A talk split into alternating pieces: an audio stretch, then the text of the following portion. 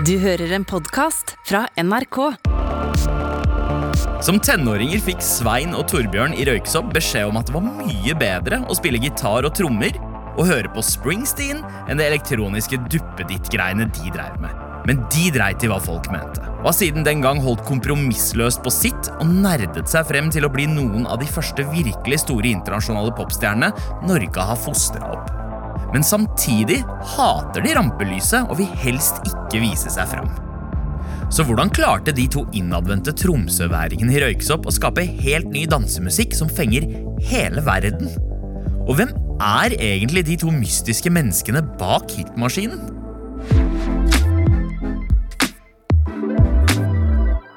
Velkommen til Musikkrommet. Jeg heter Sandeep Singh. Når du er hypa som veldig mystisk, så vil ikke vi avmystifisere noe som helst. Den stjernestatusen Røyksopp har jobba seg opp siden de starta på 90-tallet, har ført til en enorm fanskare over hele verden. Og den har de først og fremst bygd opp med musikken. For duoen har gjemt seg bort på scenen, kledd seg ut og vært vanskelig med intervjuer, og gjort alt litt motsatt av det som forbindes med popstjerner. Amund Grepperud er produsent her i Musikkrommet. Så fanskaren til Røyksopp kjenner dem egentlig bare ved det rare bandnavnet deres, som er helt umulig å uttale på et annet språk enn norsk. Og bak navnet er det to karer som ikke vil være kjendiser. De har vært opptatt av å skjerme seg, og den tilbaketrukkenheten og skyheten har de bakt inn i selve imaget som mystiske. Og det går igjen hånd i hånd med den deilige og snodige dansemusikken deres. Og nå i 2022 skrur de til mystikken enda et par hakk, når de er tilbake med det de selv kaller sitt mest ambisiøse prosjekt. For nå har mystiske bilder og clues dukka opp, og navnet på prosjektet sier jo sitt. Røyksopp vil at Profound Mystery skal forbløffe folk, når de har tenkt å vise verden hva de er gode for etter over 20 år i popstjernegamet. Den posisjonen Røyksopp har i norsk og internasjonal musikk, er jo enestående. Det er nesten ingen andre vi kan sammenligne deres status med. Men for å forstå hvordan de har blitt så store, må vi hoppe et godt stykke tilbake i tid.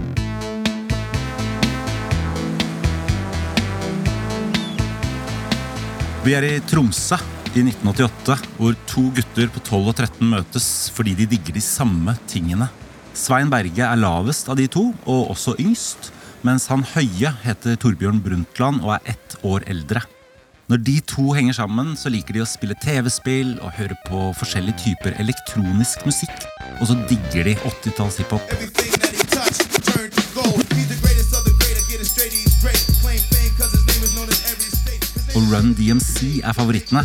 Spesielt for Svein, siden det var den første CD-en han spilte hjemme. Det er ikke bare rap det går i, de får også flere helter som driver med tidlig syntmusikk, som pionerende Kraftverk og Depeche Mode. Og det gjør at de får lyst til å lage sin egen musikk, som de programmerer på en av de tidlige spillkonsollene, Commodore 64.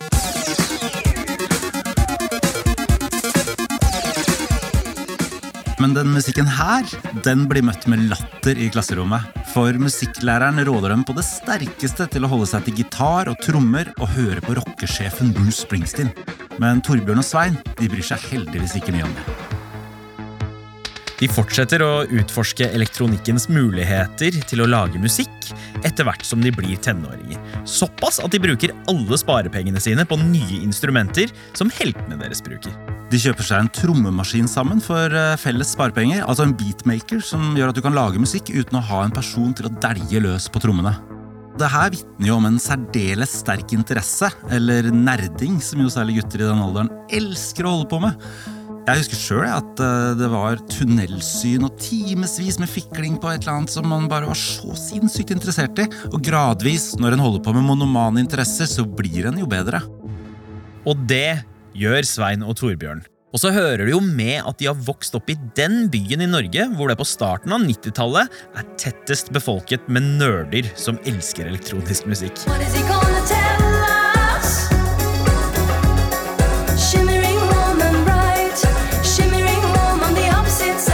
For den lokale Tromsø-gruppa Belcanto har blitt stoltheten til mange av de som er skikkelig musikkinteresserte i hele Norge, og selvfølgelig spesielt i hjembyen. Flere av medlemmene har vist sammen og hver for seg at det kan lages ekstremt framoverlent musikk langt utafor allfarvei i Norge. Og Belcanto besto annet av vokalisten med ishavstemmen Anneli Drecker og multiinstrumentalist og synthode Geir Jensen. Begge disse blir viktige inspirasjoner for Røyksopp, men kanskje spesielt Jensen, som skaper helt unik musikk i Norge med sitt soloprosjekt Biosphere.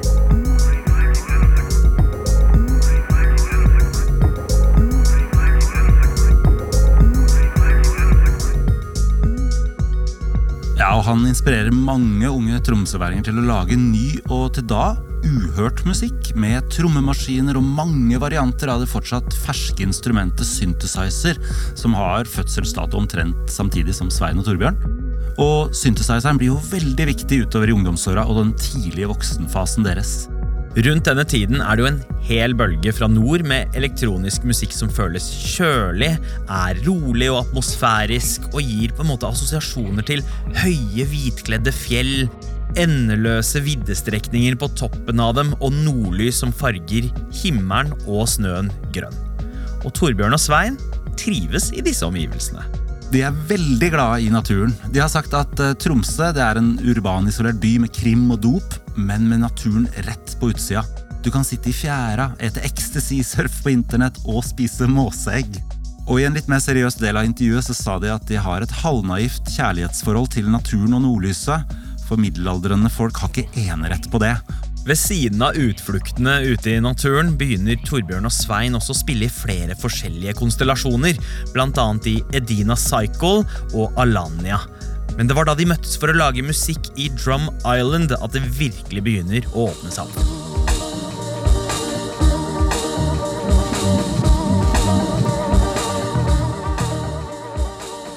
Sammen med Rune Lindbekk og Ole Mjøs lager de leken og atmosfærisk house og tekno, blanda med det lille ekstra. Og dette er første gang vi hører musikk fra Svein og Torbjørn som minner om det de skal bli ganske kjent for litt senere. Ja, Drum Island, et eh, fiffig ordspill på hjembyen Tromsø. Men det blir jo langt fra noe lokalt fenomen utelukkende. Klubbmiljøer i sørligere breddegrader får ørene opp for de iskalde syntene og frenetiske rytmene deres, og det fører dem etter hvert til København, hvor noe helt uventa skjer. Dette var en tid hvor vi ikke er det nåla i veggen, som det heter. Så jeg hadde ikke spist noe på en hel dag. Eh, Vi er ferdig med konserten. Det er sånn type to om natta. Går til hotellet. Ingen mat der, naturlig nok, fordi at hotellrommet jeg bodde på, hadde ikke minibar engang. Går ut og finner meg en 7-Eleven eller tilsvarende. Dette her er slutten av 90-tallet, og det er langt unna det vi har i kioskutvalget i dag, så det er ikke noe mat å finne. Svein må bare ta det han klarer å grabbe til seg av sjokolade. Og mens han står der, skrubbsulten, midt på natta, så åpner døra til kiosken seg. Og inn døra, eh, i denne lille, lille kiosk, kommer Random Sea. Eh, De kommer inn der. Og jeg jo, eh, blir jo litt starstruck, fordi de kommer inn og kjører sine svarte klær, og det er liksom full Adidas-labeling. Og eh, DMC, eller Daryl McDaniels, som han heter, eh, begynner å snakke og si 'You got the midnight munchies'. Og for those in the know, så er det en reaksjon man kan få hvis man har eh, inntatt eh, visse narkotiske stoffer. Det var ikke tilfellet med meg, så, så jeg var bare der for å ete. Men, eh, og jeg prøver jo liksom å nådde og smile og være like tøff som de og liksom yeah, you know it, eh, ting. Jeg får lirt av meg noe som svar, men jeg husker veldig lite av det, eh, fordi at jeg var så starstruck. Så Svein møter barndomsheltene sine i en kiosk i Kjøben. Og det er jo funny at han ikke husker hva han sa, men det er jo ikke så rart. For den situasjonen kan man jo kjenne seg igjen i. Dette er å møte noen man ser opp til, og så bare krøller tunga seg. Men til tross for denne flausa, så er jo Kjøben-turen en suksess. Det viser jo at Svein og Torbjørn gjør ting riktig. Og når de kommer hjem, har de altså fått sans for en litt større by med litt mindre snø og is. I 1997 flytter Svein og Torbjørn uavhengig av hverandre til den byen i Norge som minner mest om et annet land, nemlig Bergen. For der hjembyen la en perfekt grunnmur for Svein og Torbjørn, så møter de i Bergen et ungt klubbmiljø som er interessert i litt andre typer musikk enn dem selv. Og felles for alle de musikerne var at de kretsa rundt en bitte liten platebutikk som het Primitive Records. Og våre tromsøkarer møter der en haug med kommende bergensstjerner. Annet Annie og typen hennes Erot, Erlend Øye som spiller akustisk gitar og synger mykt i duoen Kings of Convenience, og så den originale diskohelten, Bjørn Torske. Og det sies jo at eh, Primitive Records var jo nærmest mer en ungdomsklubb, for det var mer henging enn platesalg som foregikk der. Den sjappa ble til slutt lagt ned, og da flytta miljøet seg til eh, en av de sentrale aktørene der, som starta sitt eget lite plateselskap, hvor han også hadde en liten butikk. Nemlig Mikael Telle, som starta opp Tele Records. Og hos Tele så skapes det en boble der alle disse musikknerdene med helt forskjellig musikksmak Noen hører på hardcore, punk, andre hører på hiphop, og noen hører kun på klubbmusikk. Møtes for å snakke om musikk og bare lage fengende greier. Og det er her Svein og Torbjørn begynner å endre på det de har holdt på med tidligere. For de får jo nye impulser. Svein og Torbjørn blir inspirert av eh, hele klubbmiljøet i Bergen. Og låtene som spilles på klubbene, er jo ofte åtte og ti minutter lange house- og teknolåter. Men så får de en idé når de er i studio. Der står de og tukler på syntene. Og så lurer de på om hva om vi klarer å presse den langstrakte klubbmusikken inn i det gammeldagse formatet for singler, som stort sett varer i tre minutter. Skal vi prøve på det? Hva skjer da? Og da begynner de å gi ut sjutommersingler på vinyl. Og de er det ikke plass til så mange minutter på, og så ser de litt sånn deilig 60-talls Motown-aktig ut. Ja, de er jo det foretrukne singelformatet fra 60-tallet med sin store sirkelen i midten av vinylplata, som er ganske liten. Og så er det dyrt å trykke dem opp, så du klarer ikke å lage så mange av hver eh, singel som du har lyst til å gi ut. Og det er nok muligens et lite sjakktrekk også, fordi da blir det en følelse av eksklusivitet rundt de eh, første singlene som de gir ut. Det, det korte lengden på plata tvinger dem jo til å være ekstra kreative, og kanskje på grensen av tøysete i forhold til det de er vant til tidligere. Alle innfall og elementer som man putter på en langstrakt låt, blir nå komprimert, så det skjer mye mer i løpet av den korte tida som låta varer. Og du får nesten følelsen av at det er, det er humor inne i klubbmusikken. Så de seriøse og kalde greiene de dreiv med i Drum Island, har de lagt bak seg og begynner rett og slett å bli litt festlige på sine nye beats. Og trenger jo egentlig da et helt nytt navn også. Og som inspirasjon så kanaliserer de sine indre naturfantaster. Og vi ville ha et navn som var egentlig så lite catchy som, som mulig, men også øh, var unikt. Eh, og da, Og kanskje litt eh, rett og slett over the top. Og de lander på navnet Røyksopp, som også jo illustrerer den store, feite skyen eh, som ligner på en sopp etter en atombombe. Både, både stort og lite, og istedenfor en tradisjonell norsk ø, så er det en o med tødler over. Som ser veldig kult og nytt ut på den tida her. Det er med på å skille dem fra røkla og gjøre dem enda mer spennende. Og Røyksopp har jo funnet et perfekt navn for hjemmebane, men hvis de tar det med ut i den store verden, så blir det ganske kludrete å formidle. Fordi Royce Cop er vel kanskje noe av det de har blitt kalt oftest. Og Rosikopp. Men akkurat som røyken som kommer når du tråkker på soppen, så sprer jo musikken deres seg. Og bergensmiljøet er viktig for at røykesopp røyksopp blir oppdaga utafor Norge før egentlig mange andre i Norge hører musikken deres. For den lille platesjappa Tele og, og plateselskapet til de første singlene til Røyksopp, de har avtaler med folk i England som de dealer med når det kommer til musikk, istedenfor å holde på med folk i Oslo. Og dermed kan de også sende disse singlene sine til England og begynne å skape en liten hype rundt uh, den nye, spennende elektronikaen fra Norge. Og de sender sine første singler eh, til London, deriblant Eple. En vilt fengende og humoristisk blanding av elektronika og hiphop. Og blant de mest årvåkne og fremoverlente miljøene i London, så blir jo låta Eple en liten hit.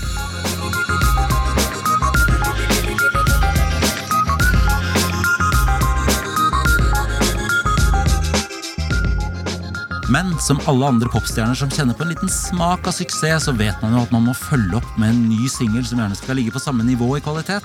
Og i jakten på neste hit skjer det noe helt tilfeldig.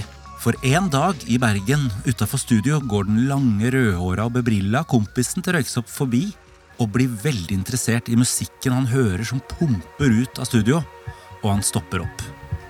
I was hearing some pumping rhythms to the door, and I started to sing to myself.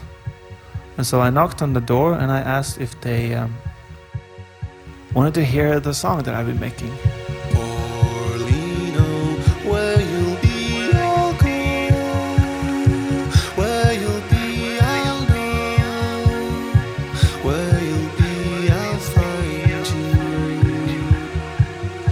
Og låta Erlend Øye og Røyksopp gjør sammen, er Paulino. Og for en hit!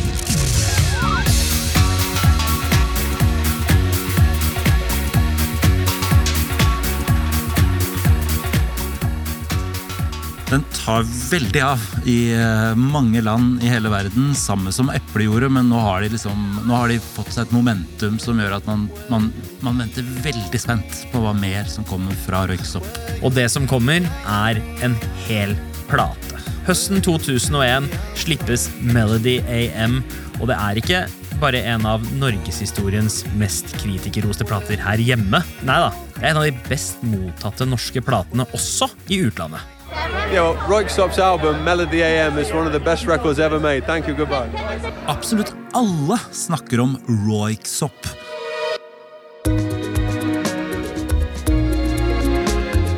Og med Melody AM så får også de låtene de ga ut som singler før plata, et mye større publikum. featuring the singles So Easy, Paulino and Epley. Royksop, Melody AM, Top Dog for Christmas.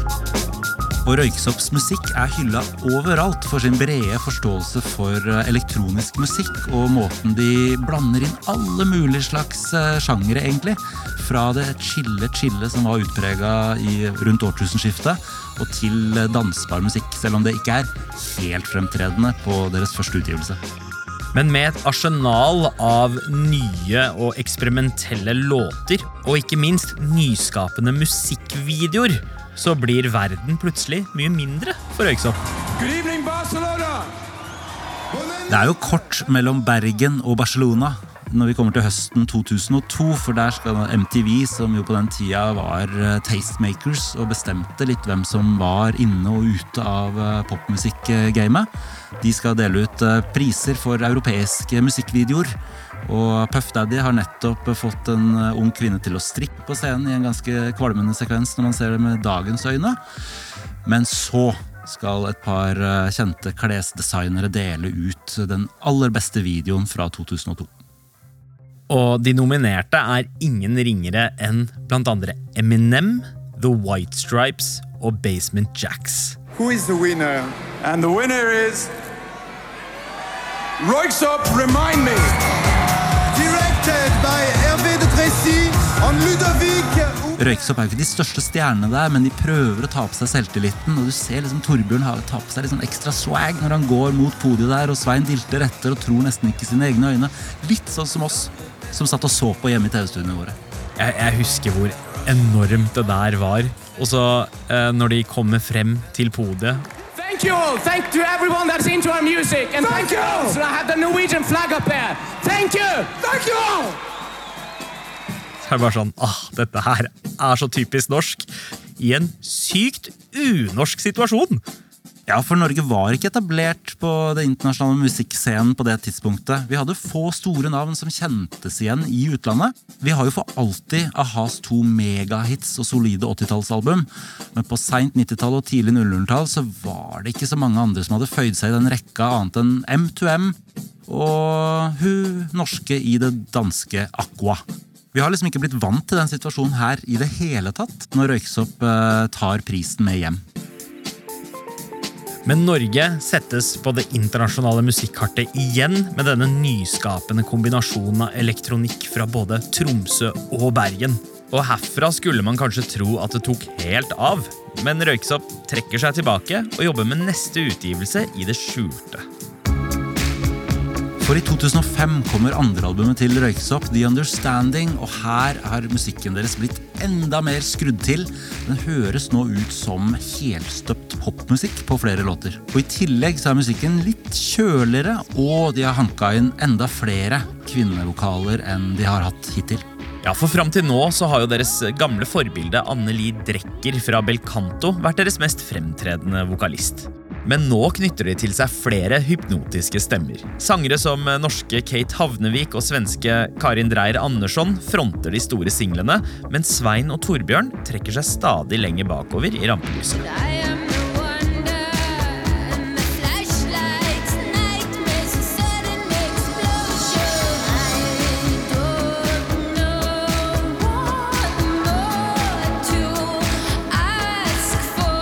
Og når de først stiller opp, gjør de seg vanskelige i intervjuer. Sånn som når de er med på et sjelden promointervju med NRKs Lydverke, så gjennomfører de kun det hvis de får live-remikse svarene sine. Låta Happy Up Here er vel den låta på Junior som helt klart ser mest tilbake på det vi har gjort tidligere. Men på samme tidspunkt som de setter noen underlige krav til eh, journalister, begynner de også å jobbe med en svensk stemme de aldri har jobba med før. Og det er et samarbeid som skal bety mye for Røyksopp. Og det er jo snakk om en artist som fram til nå aller mest er kjent som Nordens største R&B-fenomen.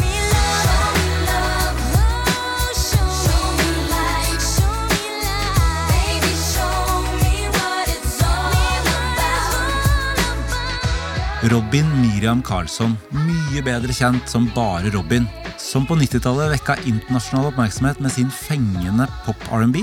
Men på midten av 00-tallet begynner hun å leke seg mer og mer med elektropop.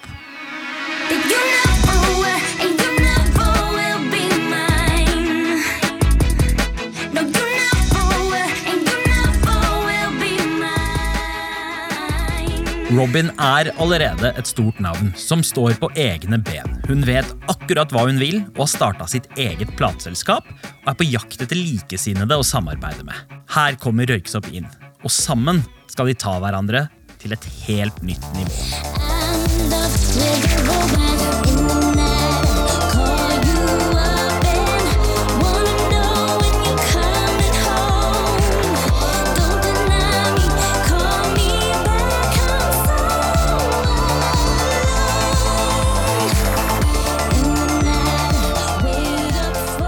Robin løfter Røyksopp opp til den aller ypperste hylla innafor dansepop. For eh, Junior, deres tredje album som kommer i 2009, det er jo en floor filler. Dansegulv på dansegulv på dansegulv faller pladask for denne skandinaviske kraftprestasjonen som ligger eh, i den pakka her. Samarbeidet er så vellykka at Robin hanker tak i Røyksopp igjen året etter for å bidra på det som skal bli hennes magnum opus, Body Talk. Og den trilogien den etablerer Robin som en generasjonsdefinerende verdensstjerne. Og muligens klodens kuleste dame. Og når Robin og Røyksopp sammen finner suksessoppskriften, så er det jo ingen grunn til å slutte å jobbe sammen. Nei da, de gjør det igjen.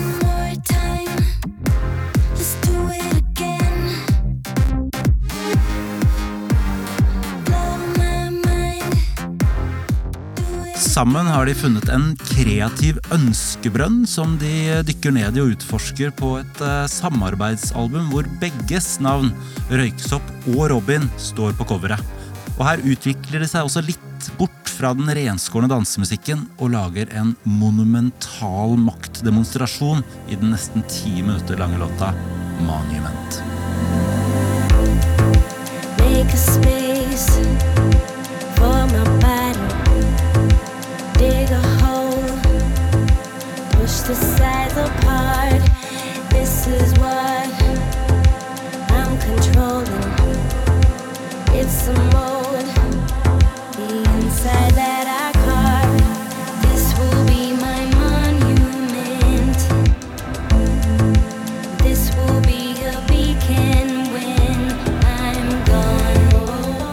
Etter dette Powerhouse-samarbeidet, som fører til den høyeste norske albumplasseringa på Billboard-lista i USA noensinne, er Røyksopp trygt etablert som historiske i norsk musikksammenheng. Noe Grammy-nominasjonen de får for albumet også illustrerer. De er på toppen av verden, men har ikke glemt å følge med på hva som skjer her hjemme.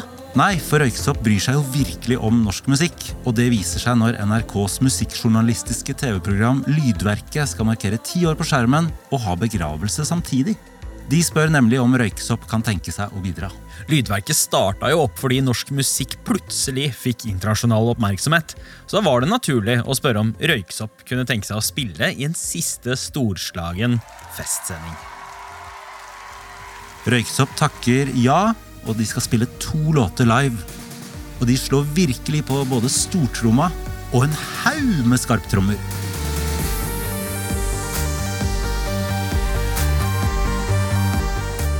Røyksopp coverer en låt av et av sine mange idoler, og det sier sitt om hva slags prestasjon denne tolkninga er, når mange hardcore-fans av synthpop-pionerene Depeche Mode faktisk mener at Røyksopp overgår originalen. Og grunnen til det er jo muligens at de endelig har starta samarbeidet med den norske stemmen som mange har gått og håpet på at Røyksopp skal samarbeide med. Susanne Sundfør. Men Røyksopp er ikke på lydverket for å bare gjøre en coverlåt. For da de ble spurt om å spille live, ønska NRK også at de skulle fremføre en helt ny Røyksopp-låt. Og i en overfylt kalender har de likevel pressa inn tid, og på to små dager har de klart å lage en helt ny låt med Susanne. Og folk får hakeslepp av det de hører. I could hear them howling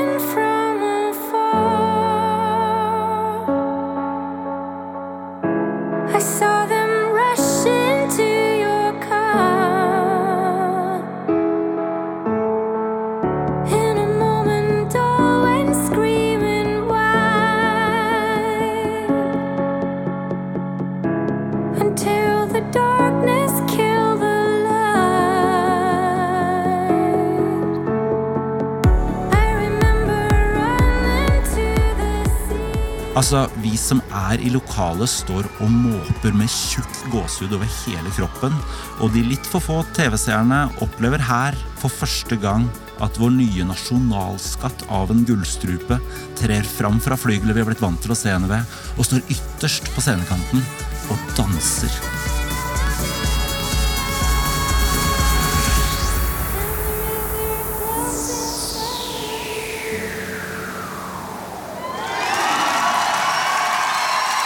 I over ett år blir den nye låta bare omtalt som Lydverket-låta.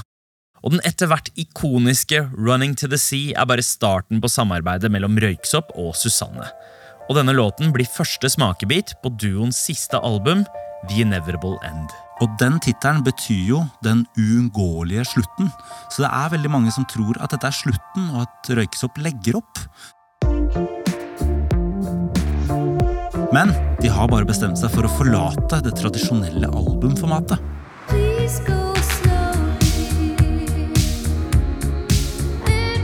Røyksopp fortsetter med å dele enkeltlåter og samarbeide med den store stemmen fra Haugesund.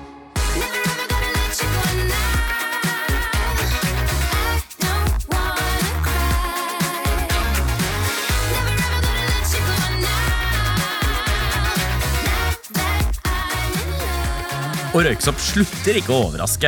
Rundt samme tid gjør de også noe annet uventa. De blir nemlig nok en gang spurt av NRK om hjelp, og denne gangen er det snakk om å lydlegge et av landets mest sette TV-program.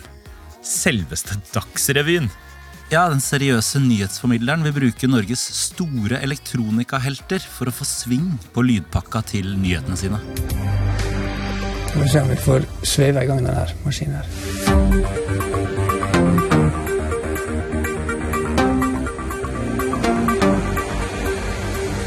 Når den nye vignetten er på plass, er de forberedt på kritikk. Altså Det har samme, samme motstand i seg som oppdatering av software.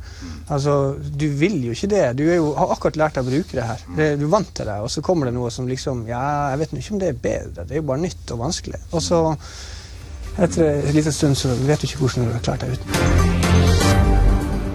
Lyden av røyksopp fyller norske stuer på flere måter. Og rundt om i verden fylles store gressletter når den norske duoen spiller på festivaler. Og der deler de jo selvfølgelig backstage med legendariske musikknavn. Vi har endt opp med å spille på festivaler der eh, det tyske bandet Kraftwerk spiller. Eh, Og de er jo ekstremt gamle helter. Dette her er jo barndomsheltene til Torbjørn og Svein, og de får øye på ett av medlemmene i Kraftverk, Florian Schneider, backstage. Det det er han! Eh, Så han har jo sikkert en, en sjettesans som bare Ok, det er noen som står og hvisker og tisker, eller et eller annet som man ser helt i periferien. Så han røyser seg opp og begynner å gå bortover. Um, og han går mot det samme backstage-området som som vi har, disponere.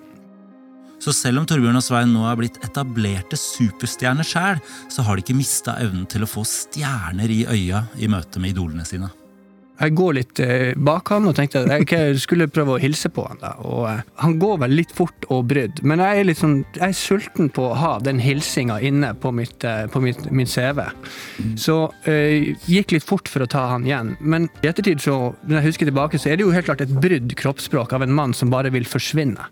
Og Helt siden jeg var liten gutt, så har jeg visst navnet på medlemmene. Liker altså sånn klassisk fan av et band. Så når han møter en eller annen slags form for blindvei om å snu og komme meg i møte, så står jeg klar og liksom tenker jeg skal hilse på han. Men da glemmer jeg alt. Da blir jeg så starstruck som jeg aldri har vært i hele mitt liv. Jeg klarer nesten ikke å snakke. Altså Kjeven blir helt sånn slapp. Eh, så jeg klarer bare å si 'Are you in craftwork'? Det er alt jeg klarer å si. Jeg står også da syv meter bak Torbjørn og er like skamfull og ser ned i bakken. Han, han, han bare ser på meg, og bare liksom som han sier Hva, hva er dette? dette? Dette klarer ikke engang jeg å håndtere. Og så går han. Det er jo litt koselig at de fortsatt er keitete Svein og Torbjørn, på tross at de som røyksopp pusher enda hardere på den mystiske fremtoninga. For etter flere år med usikkerhet rundt hva Røyksopp skal gjøre neste gang, begynner det i 2021 å komme kryptiske meldinger og clues på nettet om at noe er i gjære. Og siden de selv ikke avslører mer enn disse hintene, så må jo musikkjournalister grave fram at Røyksopp har søkt om støtte til både det ene og det andre, og i alle sånne type henvendelser til offentlige støtteordninger, så må jo prosjektet beskrives. Og det er her de kaller det som kommer for sitt mest ambisiøse prosjekt hittil. Men de fortsetter med mystikken. Ja, ja, ja. For de skriver i søknadene at de jobber med mange artister, men de nevnes bare ved fornavn. Susanne skjønner vi vel, men kan Astrid være S? Ja, det er jo litt som tyder på det. Og når første låt med vokal kommer i 2022, så blir det i hvert fall klart hvem Alison er.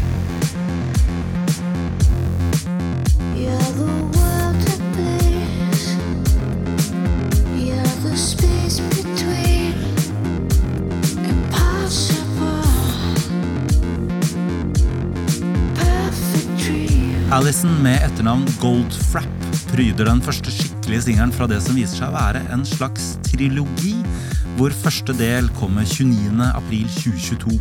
Og den delen består av ti låter. To med Susanne Sundfør, én med Astrid S, og flere spor der de samarbeider med nokså ukjente navn. Og ut ifra det lille vi faktisk har hørt, så er jo lyden litt tøffere i trynet enn sist vi hørte fra dem.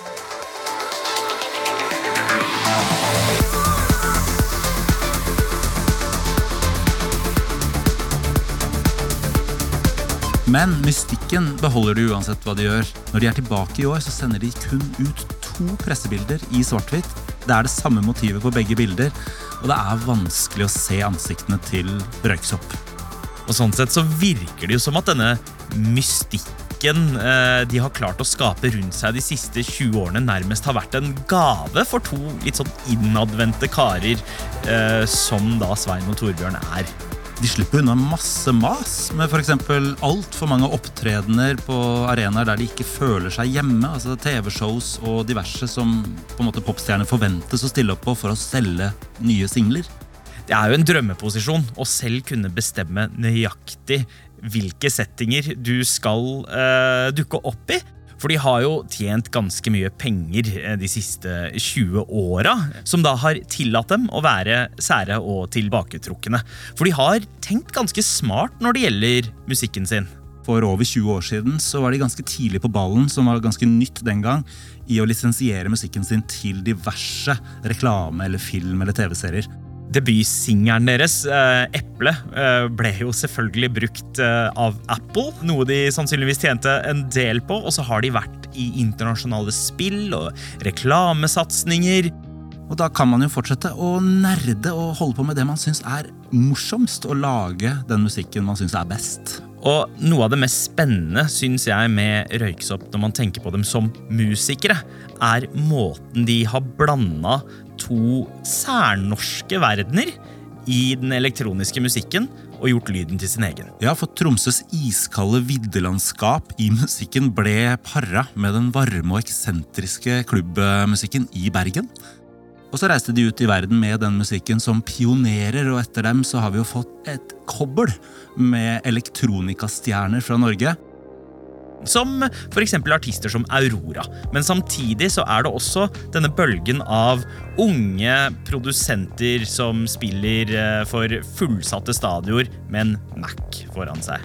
Noe som Røyksopp ikke er så glad i å bli sammenligna med. da. Ja, Sist jeg snakket med Svein i Røyksopp, så nevnte han det at uh, vi spiller ekte instrumenter og eh, patcher syntene og kobler om syntene, så det er rom for at ting kan gå feil når vi holder på.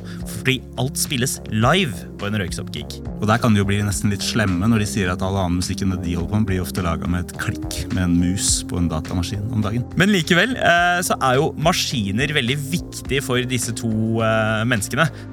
Man hører det i eh, intervjuer. De prøver å høres ut som eh, roboter, og så klarer de å finne det menneskelige i disse maskinelle syntlydene som de er så glad i. Og det tror jeg har noe med at de har sittet sammen og holdt på med de maskinene siden de fatta interesse for dem og utvikla talentet sitt til det nivået de er på og har vært på lenge nå. Og uten det vennskapet deres så hadde det jo aldri vært den dynamiske duoen de jo har holdt på som hele veien. Vi snakker jo om et uh, vennskap som pusher 35 år snart. Det vennskapet viser jo at det er mennesker bak maskinen. Vi er veldig heldige som har et så sterkt og godt vennskap, som har vart så lenge og eh, kommer til å vare så lenge, forhåpentligvis. Tror du det vil vare evig?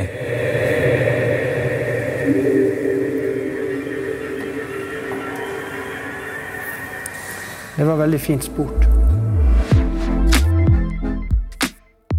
Du har hørt på Musikkrommet. Hvis du likte det du hørte, anbefal oss gjerne til en venn. Denne episoden er laget av Amund Grepperud, Jean Kristin Sena, Markus Hamletsen, Nils Vingrei og meg, Sandeep Singh. Redaksjonssjef er Ingrid Nordstrand.